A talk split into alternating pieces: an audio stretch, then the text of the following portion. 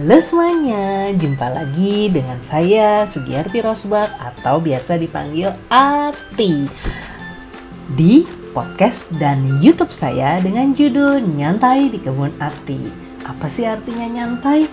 Nyantai, teman-teman bisa mendengarkan podcast atau YouTube ini sambil teman-teman minum kopi, minum teh, minum air putih mungkin lebih sehat. Sambil makan bisa, sambil tiduran bisa juga sambil duduk-duduk di kebun saya juga oke.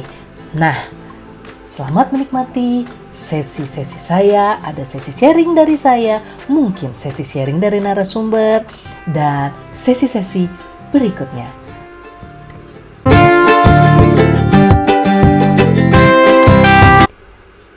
Kali ini podcast dan YouTube saya berjudul Mengenal Siapa Saya. Apa sih itu mengenal siapa saya? Jadi, kita sebenarnya punya peran yang banyak dalam kehidupan kita.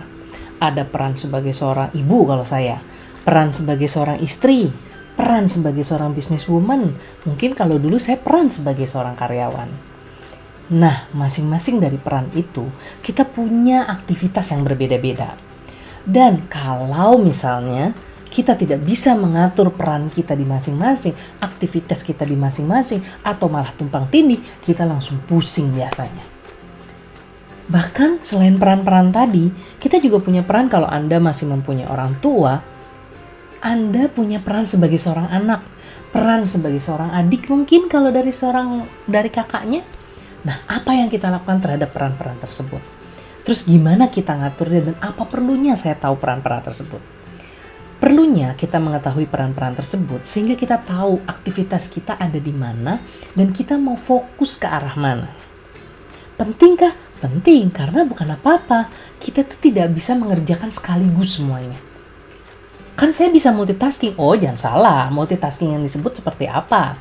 Misal, peran seorang ibu yang lagi gendong anak terus sambil goreng. Tapi yang ada artinya kita goreng kan fokusnya sambil megang anak itu lebih karena habit, bukan karena kita canggih, enggak. Tapi yang pasti kita nggak akan bisa melakukan sekaligus. Kita nggak bisa, misalnya sekarang karena anak sedang belajar dari rumah, kita nggak bisa memaksa sambil ngajarin anak sambil kerja. Bisa sih bisa aja, tapi artinya pasti kita tidak bisa fokus.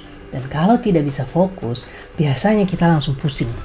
Karena, waduh, di kalau report harus deadline, tapi saya masih harus ngajarin anak, itu pasti pusing dan stres. Nah, jadi sebaiknya kalau saya biasanya saya nganjurin, cobalah bikin peta saya itu perannya apa aja sih gitu. Seperti ini petanya.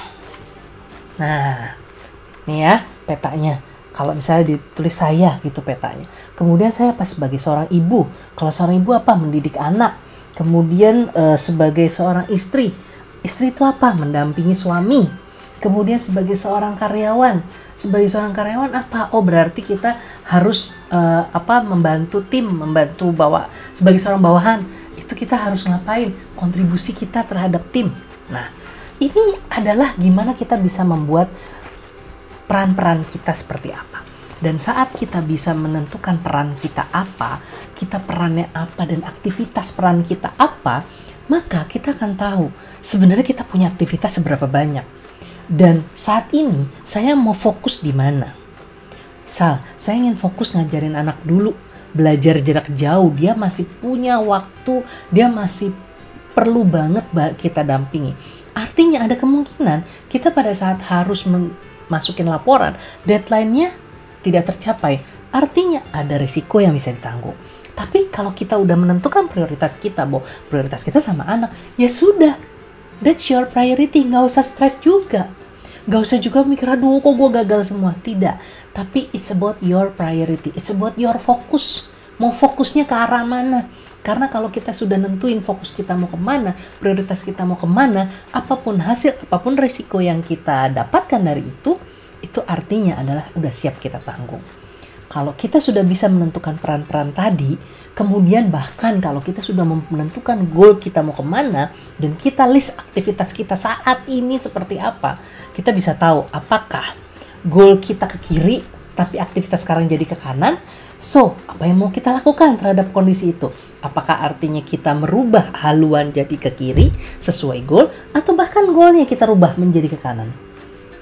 Tidak ada yang salah, tidak ada yang benar.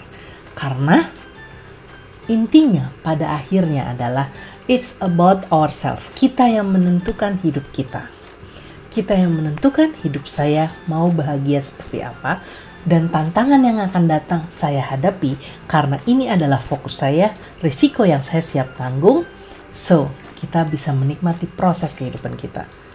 Daripada hidup kita diatur sama orang lain, lebih baik kita mengatur hidup kita sendiri dengan mengenal siapa saya dulu. Sampai jumpa di podcast dan YouTube saya berikutnya.